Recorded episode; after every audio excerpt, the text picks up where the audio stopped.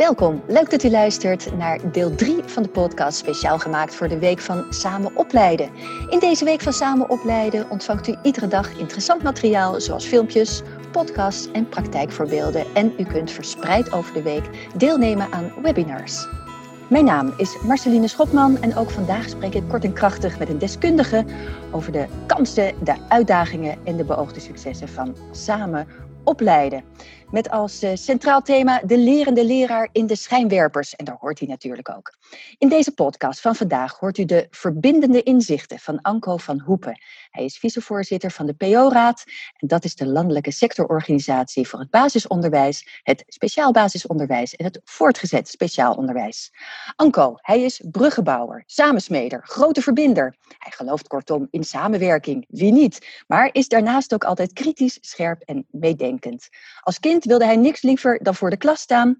En toen hij vervolgens leraar was, zei hij dan ook: Ik word nooit directeur.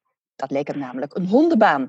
Maar kijk aan, een aantal jaren later werd hij wel degelijk met veel plezier en bevlogenheid directeur. Daarna bestuurder bij de Alphen Scholengroep en nu dus de vicevoorzitter PO-raad. Welkom, Anko van Hoepen. Dankjewel, dankjewel. Wat een aankondiging ze. Ja, fijn hè? Nou.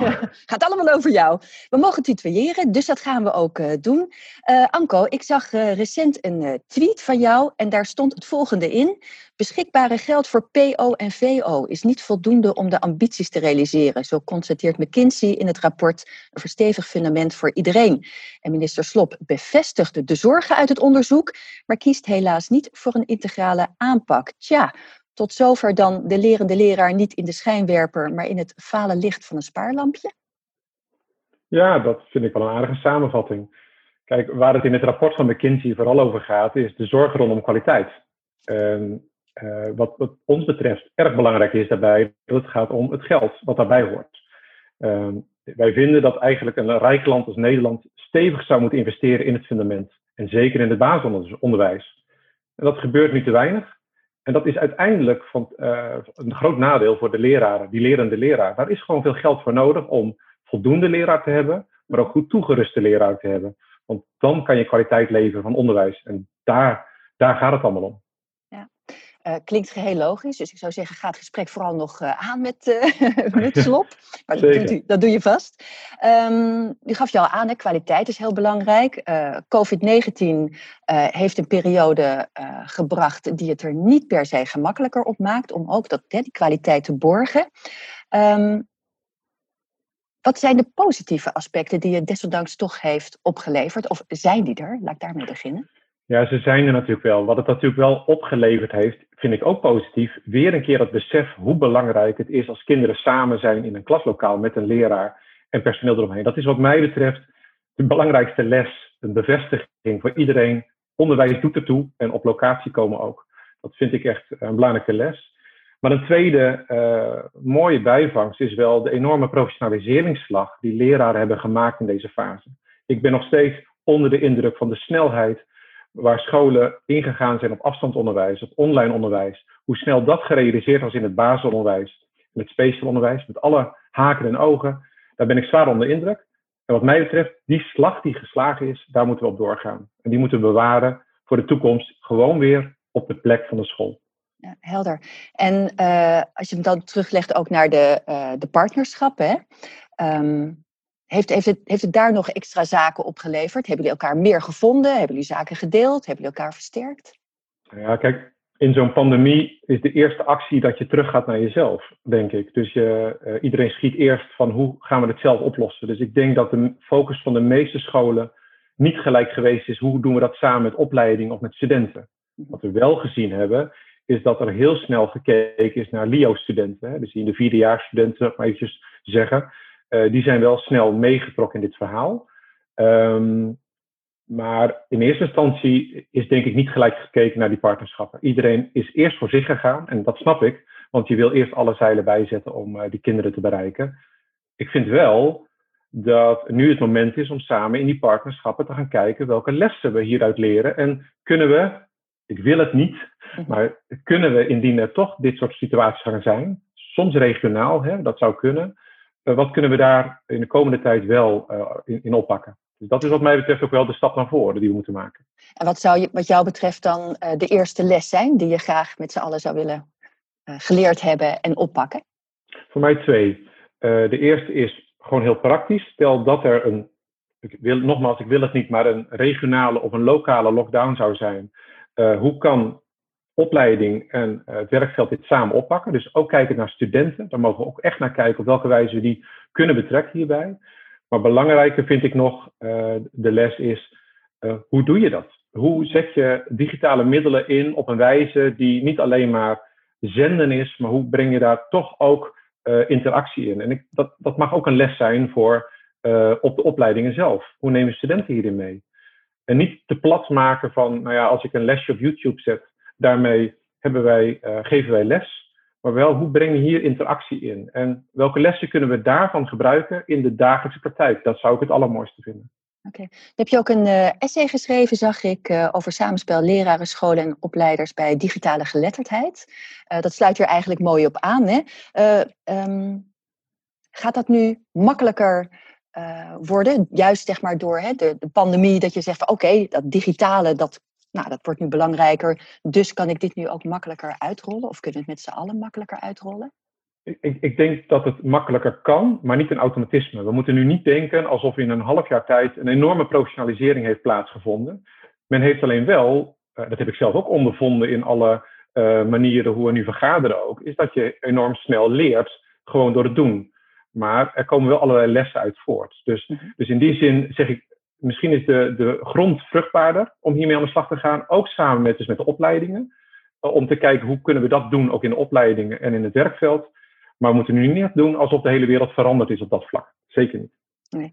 Uh, nou, nog even los van uh, leermiddelen gaat het ook om handjes, wel of niet digitaal voor de klas. Hè? Um, er is een aardig lerarentekort. ik denk dat je daar ook heel druk mee bent vanuit PO-raad. Um, nu heb je een vraag van Hein. Um, aan jou. Hoe zouden PO en VO in het kader van het lerarentekort de verbinding meer kunnen zoeken in de regio? Wat is uh, daarop jouw antwoord? Goeie vraag van hij. En ja, daar zijn we nadrukkelijk steeds mee bezig. Wat mij betreft um, is de vindplaats om, om uh, is samen opleiden en professionaliseren. We op zoveel plekken bestaan deze samenwerkingen al zo lang. En dat zien we op allerlei dossiers. Maar dat lerarentekort is ook een regionaal gebeuren. Dus op sommige plekken is het anders en is dat ook anders gevormd.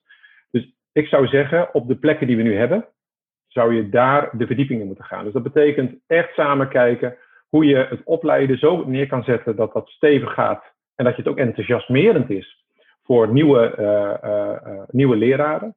Mhm. Maar ook een verdieping gaan als het gaat om het professionaliseren van leraren, zeker in de beginfase. Met elkaar verantwoordelijkheid nemen dat leraren ook blijven werken in het basisonderwijs. Dat men er ook niet alleen voor kiest, maar er ook blijft. En dat de werkplek aantrekkelijk is. En dat het niet alleen maar over kwantiteit gaat. Want dat vind ik het grote gevaar bij het leraartekort. Maar dat het ook over kwaliteit gaat. Dus dat we echt met elkaar gaan kijken van... kunnen we die schoolteams anders vormen? Meer differentiatie, meer specialisme, uh, anders opgeleid. En dat we daarmee aan de slag gaan. Uh, ja. Niet de valkuil van alleen maar naar de kwantiteit te kijken. Ja, en als ik het had over Heinen, heb ik het natuurlijk ook over Hein van Asseldonk van de VO-raad. Ja. Uh, nou, ik ben benieuwd wat hij van je antwoord eh, vond. Je krijgt een vaste reactie op, dat kan niet missen. Um, heb jij zelf ook een vraag? Want uh, je geeft heel veel antwoorden, maar jij mag ook een vraag stellen. Dat noemen we de zogeheten stokjesvraag.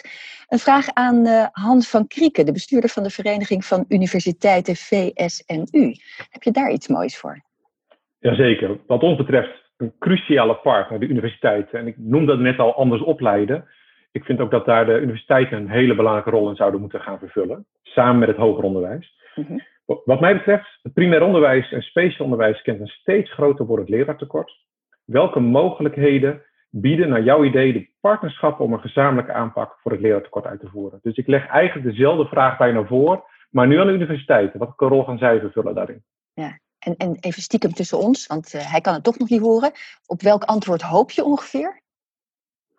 Nou ja, eigenlijk de ontwikkeling die nu al ingezet is, is dat er zoveel smaken nu zijn in het opleiden. Dus vanuit hogescholen, universiteiten en combis daarvan, academische pabo's, maar ook universitaire bachelors.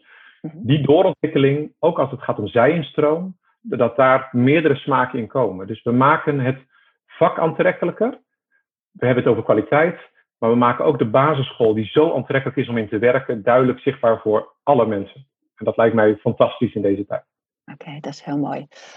Tot slot, heel kort, kernachtig, uh, de lerende leraar in de schijnwerper. Waarom hoort die lerende leraar in de schijnwerper?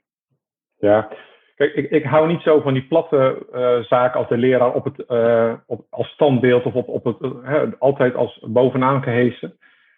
Maar de afgelopen periode laat wel zien hoe belangrijk die leraar is voor kinderen om onderwijs te kunnen geven. Het is niet alleen maar kennisoverdracht, het is een groepsvorming, het is de hele breedte daarvan. Uh, dus de leraar doet ertoe, zeer zeker. Het team in de basisschool, een schoolteam doet ertoe. Het is een samenspel, het is geen individueel uh, vak, de deuren zitten niet dicht. Een schoolleider doet ertoe, maar je met elkaar uh, ben je bezig aan de kwaliteit van onderwijs voor alle kinderen. En vooral dat laatste, alle kinderen, en dat heeft de afgelopen periode laten zien, hoe belangrijk daar de leraar voor is. En dat vind ik de kracht van de basisschool. Wij kennen heel nadrukkelijk alle kinderen en weten veel van de thuissituatie. En dat is waar de leraar, is de leraar zo van belang. Uh, zeker in die situaties waar het niet gewoon is thuis. Wat mij betreft is dat het antwoord voor je. Mooi en bevlogen. En verbindend ook nog. Dus dan zijn we weer helemaal terug bij het beginnetje. ja, dat is mooi. Uh, Anko, heel veel dank. Uh, u luisterde naar uh, de mooie inzichten van Anko van Hoepen. dank jullie wel voor het luisteren naar deze aflevering van de podcast Samen Opleiden. vond je het ook interessante inzichten? Nou, deel dan deze podcast vooral ook met anderen, omdat samen opleiden je ook samen doet. je vindt ons online via de nieuwsbrief en de website van Platform Samen Opleiden en ook natuurlijk in jouw podcast-app. Heel graag tot morgen bij het interview met Han van Krieken, bestuurder van de Vereniging van Universiteiten VSNU. En dan zal hij ook antwoord geven op de vraag van Anko. Dag.